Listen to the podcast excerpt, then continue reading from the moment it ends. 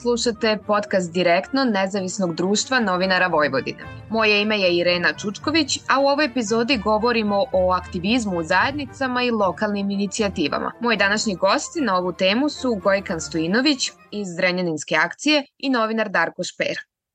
U proteklih godinu dana, pored masovnih protesta u velikim gradovima poput Beograda i Novog Sada, svedočili smo i nekolicini manjih lokalnih inicijativa angažovanih oko različitih tema. Jedna od tih tema je i problem pijaće vode u Zrenjaninu, koji svakako nije nov, ali je skrenuo veću pažnju javnosti nakon prošlogodišnjih protesta u ovom gradu. Najpre pitanje za Gojkana u vezi sa ovime, šta vas je motivisalo da se okupite u Zrenjaninu i napravite proteste zbog problema sa pijaćom vodom? Ako se ne varam, tokom prošlog leta jeseni održano ih je ukupno sedam.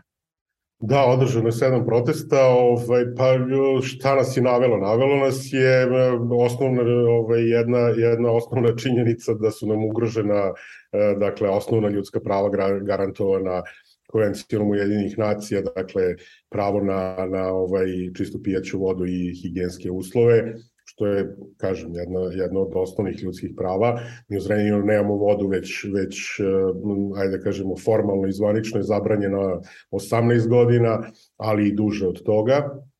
Dakle, ta, ta zrenjinska voda je, eh, čini mi se, jedan, jedno, mm, ono, trajni problem ovog grada koji je eh, nažalost na pogrešan način krenuo da se rešava i, i jednostavno morali smo da, da probudimo svest, svest kod ljudi e, o ugrožavanju prava, jer nisu to samo prava kao, kao takva i koje su propisane, to su jednostavno jedne, neke od, od osnovnih vrednosti koje e, svi mi treba da imamo i da gajimo, a znate, ja, ja kao ja mogu da kupim balon vode, ali siguran sam da postoje ljudi koji E, ne mogu ili teško mogu sebi da priušte da, da svakodnevno kupuju vodu, barem, barem onaj, e, da kažem, zdravstveno zahtevani minimum od nekih 2-2,5 litre vode, koliko je to po nekim zdravstvenim normama potrebno da čovek unese u toku dana. Tako da, da je to jedna, jedna široka slika e, razloga koji, koji stoji iza toga, a prvenstveno je jedna suštinska nepravda Darko, s obzirom da ti već dugi niz godina u svom novinarskom radu pratiš i pitanje i problem pijaće vode u Zrenjaninu, koliko bi rekao da je ova tema zastupljena u drugim medijima i generalno mainstream medijima i da li je dovoljno zastupljena?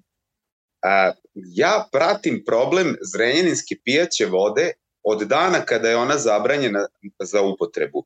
A, ne volim da se hvalim, ali ja sam novinar koji je tada radio za agenciju Beta i koji je javio tu vest prvi pošto su mi neki ljudi jeli, koji su na tom sastanku u pokrajini bili javili šta se desilo i ovaj, od tog dana pratim tu problematiku, a, pa to se dešava po etapama, nažalost, i grad je u samom početku bio vrlo spreman da, da reši taj problem, pa se kasnije to izjalovilo, između ostalog i nekim hapšenjima i promenom vlasti. Dakle, promenom vlasti promenjeni su i, i investitori koji su već dob, kojima je već bilo odobreno to neko idejno rešenje za izgradnju fabrike vode. I to se evo nastavilo do dana današnjeg, taj problem se uopšte ne rešava. Što se medija tiče, meni je jako žao.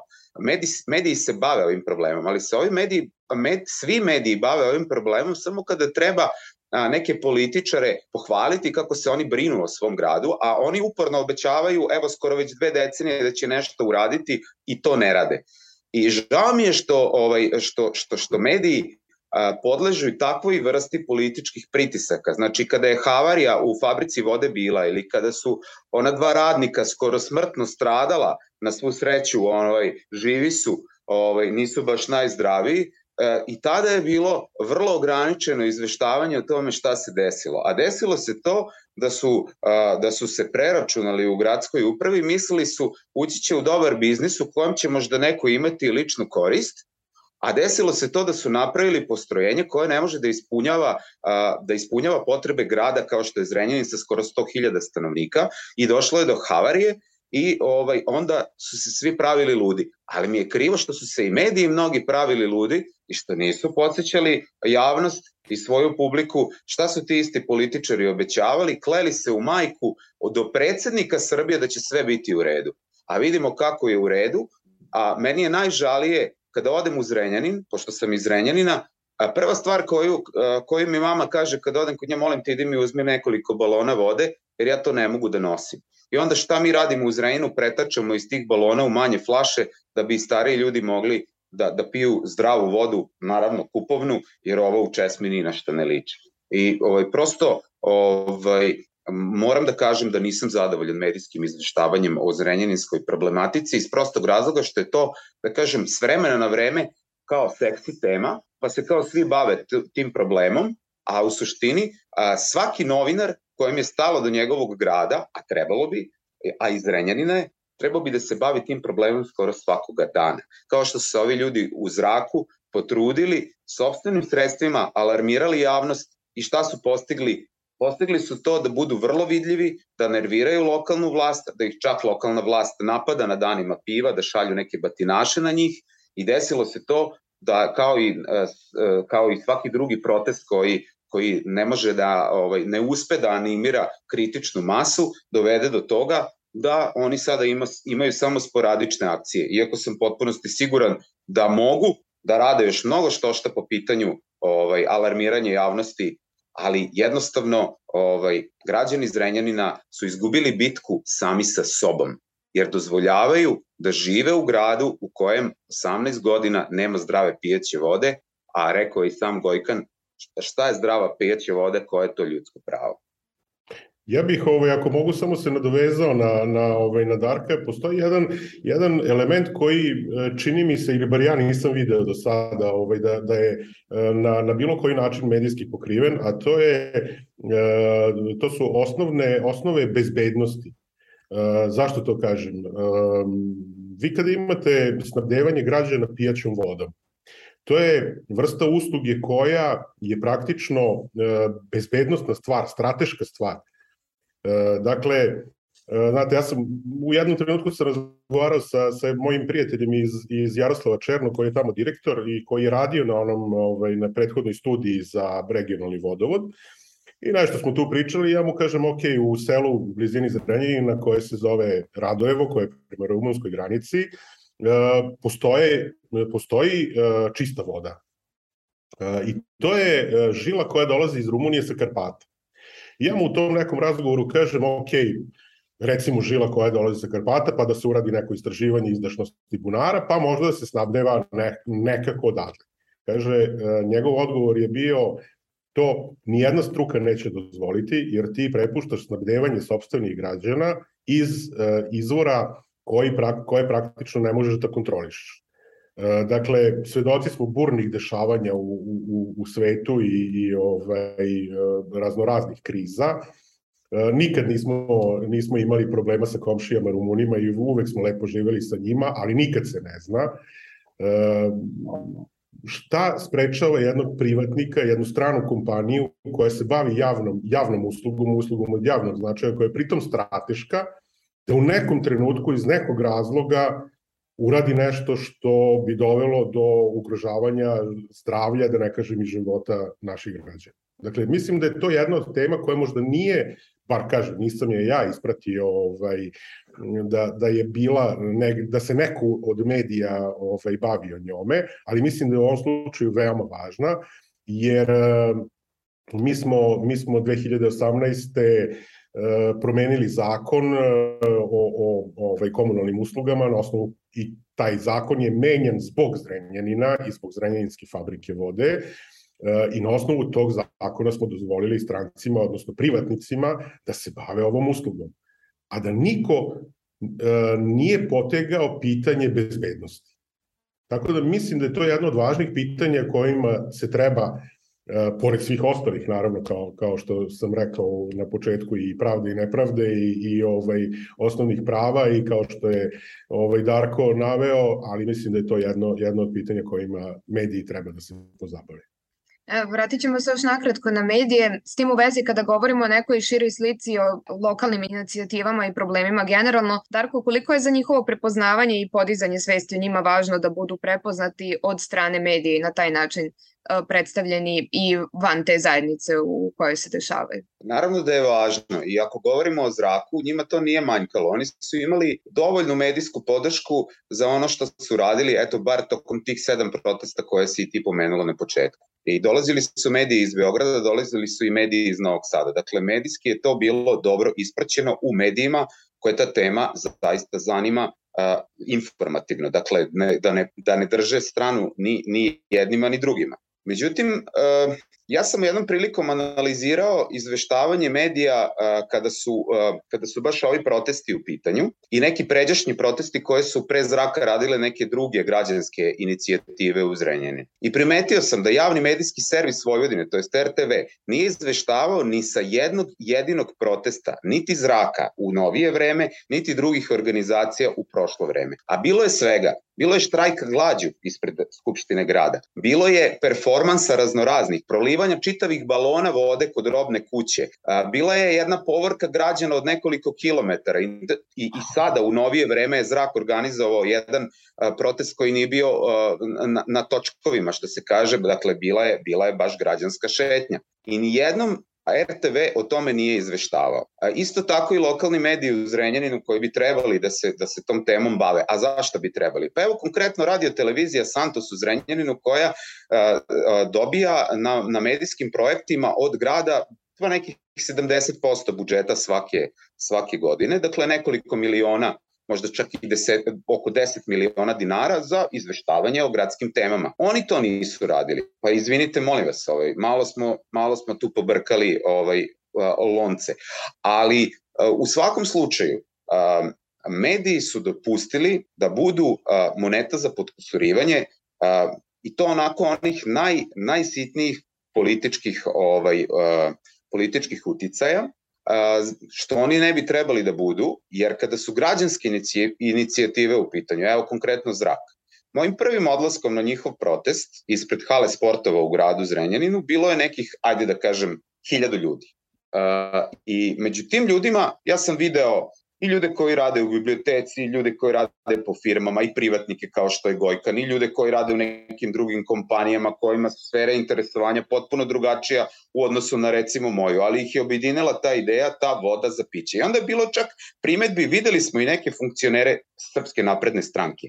Pa šta? Jer oni piju zdravu vodu, pa nemaju pravo da dođu na protest ili kažu bio je neko iz policije, pa šta, možda je bio po, po zadatku, a možda je bio zaista da vidi šta se tu dešava, on živi u tom gradu i živeće, njegova deca će živeti kada njega možda jednog dana ne bude bilo. Tako da, a, ljudi generalno, a i mediji na jako loš način posmatraju građanske inicijative. A građanske inicijative po pravilu dolaze onog trenutka kada institucije sistema više ne, mor, ne mogu da se samostalno izbore sa problemima, a ovaj problem u Zrenjaninu je jako izražen i traje jako dugo. I građani to više ne mogu da trpe. Dosta im je. I uh, u svakom trenutku može da se javi neki no, novi zrak u, u Zrenjaninu ili novi taj građanski preokret koji će da, da, da, da stane i, i da kaže dosta, možda će to biti neki potpuno novi ljudi koje niko neće moći ni da kompromituje na bilo koji način i zato mediji toga moraju da budu svesni. Dakle, nešto što se dešava u tvom gradu, koje okuplja toliki broj ljudi, koji parališe saobraćaj u tvom gradu, to je problem sam po sebi i moraš, sa nje, moraš o njemu da izveštavaš. Makar da kažeš koje su saobraćajnice zatvorene, da neki ljudi ne bi upali u gužu. Eto. Gojkane, kakve su bile reakcije vlasti institucija nakon prošlogodišnjih protesta u Zrenjaninu i da li je bilo nekih pozitivnih pomaka u odnosu na postavljene zahteve? Pa nažalost, reakcije nisu bile nikakve, oni su, oni su, mislim, neke informacije koje mi imamo ovaj, ovako, da kažem, Eh, iz, ispod žita, odnosno iz, iz nekih, ovaj, od nekih ljudi koji, koji su bliski eh, stranci, strankama na vlasti ili stranci na vlasti, eh, je da su imali određenih problema, međutim, svesni smo svi toga i, i znamo da, da se problemi i, i bilo koje bilo koje znači ovaj odnosno sva rešenja e, potencijalno se diktiraju sa jednog mesta, iz, da ne kažem, jednog kabineta, e, sa, sa jedne pozicije. I oni su svi otprilike marionete koje samo, samo prenose ono što im je rečeno da prenesu, e, rade ono što im je rečeno da rade i, i praktično se ne bave svojim poslom već sede i čekaju da, da im neko iznese njihovo mišljenje koje će onda preneti.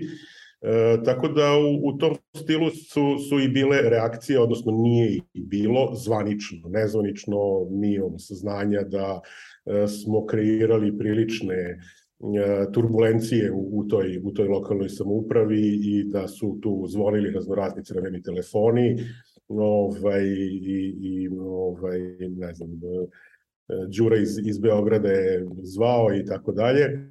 Ovaj, tako da, da mm, pomaka daljeg e, što se tiče cele problematike opet nema. E, umeđu vremenu se desilo da je jeli, fabrika vode koju je radila ta neka famozna Zilio Group e, u Zrenjaninu i koja nije pokazala da može da zadovolji kapacitete u obimu i kvalitetu, e, je otišla u stečaj i stečaj je kupljena direktnom, direktnom kupovinom, dakle sva oprema je kupljena od strane arapskog investitora Metito, koji je u Zrenjaninu takođe angažovan na još jednom projektu, a to je prečistač otpadnih voda. dakle, to sada tavori, navodno će se desiti neko rešenje, famozno, ja ne znam koje.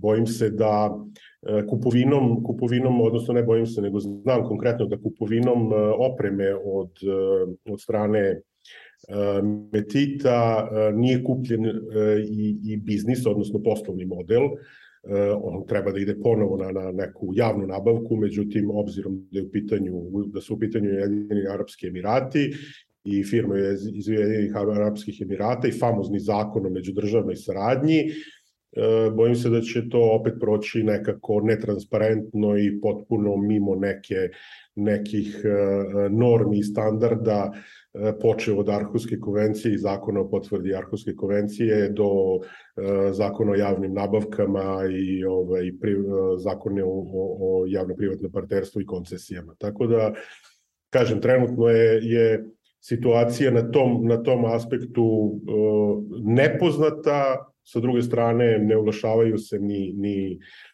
iz uh, javne uprave, odnosno gradske uprave, tim povodom sade neko drveće, grade neke e, parkiće, obilaze Ling Long e, i, i bave se takvim stvarima, e, a ovime se izgleda još uvek niko ne bavi ili se bavi na takav način da to ne treba da se zna. I negde za kraj pitanje za Darka, šta je ono što je potrebno promeniti u nekom medijskom narativu i generalno izveštavanju medija o lokalnim pričama kako bi one bile i vidljivije i kako bi na kraju krajeva samim tim pritisak na institucije da reše te probleme bio veći? Jako je teško o tome govoriti s obzirom na to da u Zrenjaninu i ti portali koji postoje obično u gradovima koji informišu građane o dešavanjima u gradu su pod nekim političkim uticajem. Znate, ti portali i njima će biti uskraćene neke reklame ako izveštavaju o temama koje se ne sviđaju lokalnim vlastima. A ovo što je Gojkan malo pre rekao u Zrenjinu, stvarno šizofrena situacija, lokalna vlast bi da se bavi ono usko komunalnim temama i pored toga što imaju ogroman problem sa fabrikom vode, što će imati ogroman problem sa izgradnjom tom, te fabrike Ling Long, da ne pričamo o ovim vijetnamskim radnicima koji su tamo ovaj, radili i rade još uvek pod ko zna kakvim uslovima. Dakle, a, oni koji vode grad misle da tim problemima oni uopšte ne trebaju da se bave. Pa ja ne znam zašto onda uopšte sede u tom lokalnom parlamentu ako, ako misle da nisu dostojni da se bave tim stvarima, da je dovoljno da ih neko pozove iz Beograda i da im naredi šta i kako treba da se radi. I zaista, ovaj, kada vi dolazite iz grada, mislim, u, u kojem, dolazite u grad u kojem ste rođeni, i u kojem ste živeli više od 30 godina i bavite se ovom profesijom više od 20 godina, kada dođete u grad i vidite koji lokalni političari trenutno upravljaju gradom, koji su nekad bili šverceri, neki su bili navijači, neki su bili ne znam ni ja šta, ovaj, shvatite koliko je taj grad potonuo. Shvatite da ako su političari takvi, onda su u tom gradu takvi i mediji, onda, onda su mnoge druge stvari u tom gradu takve.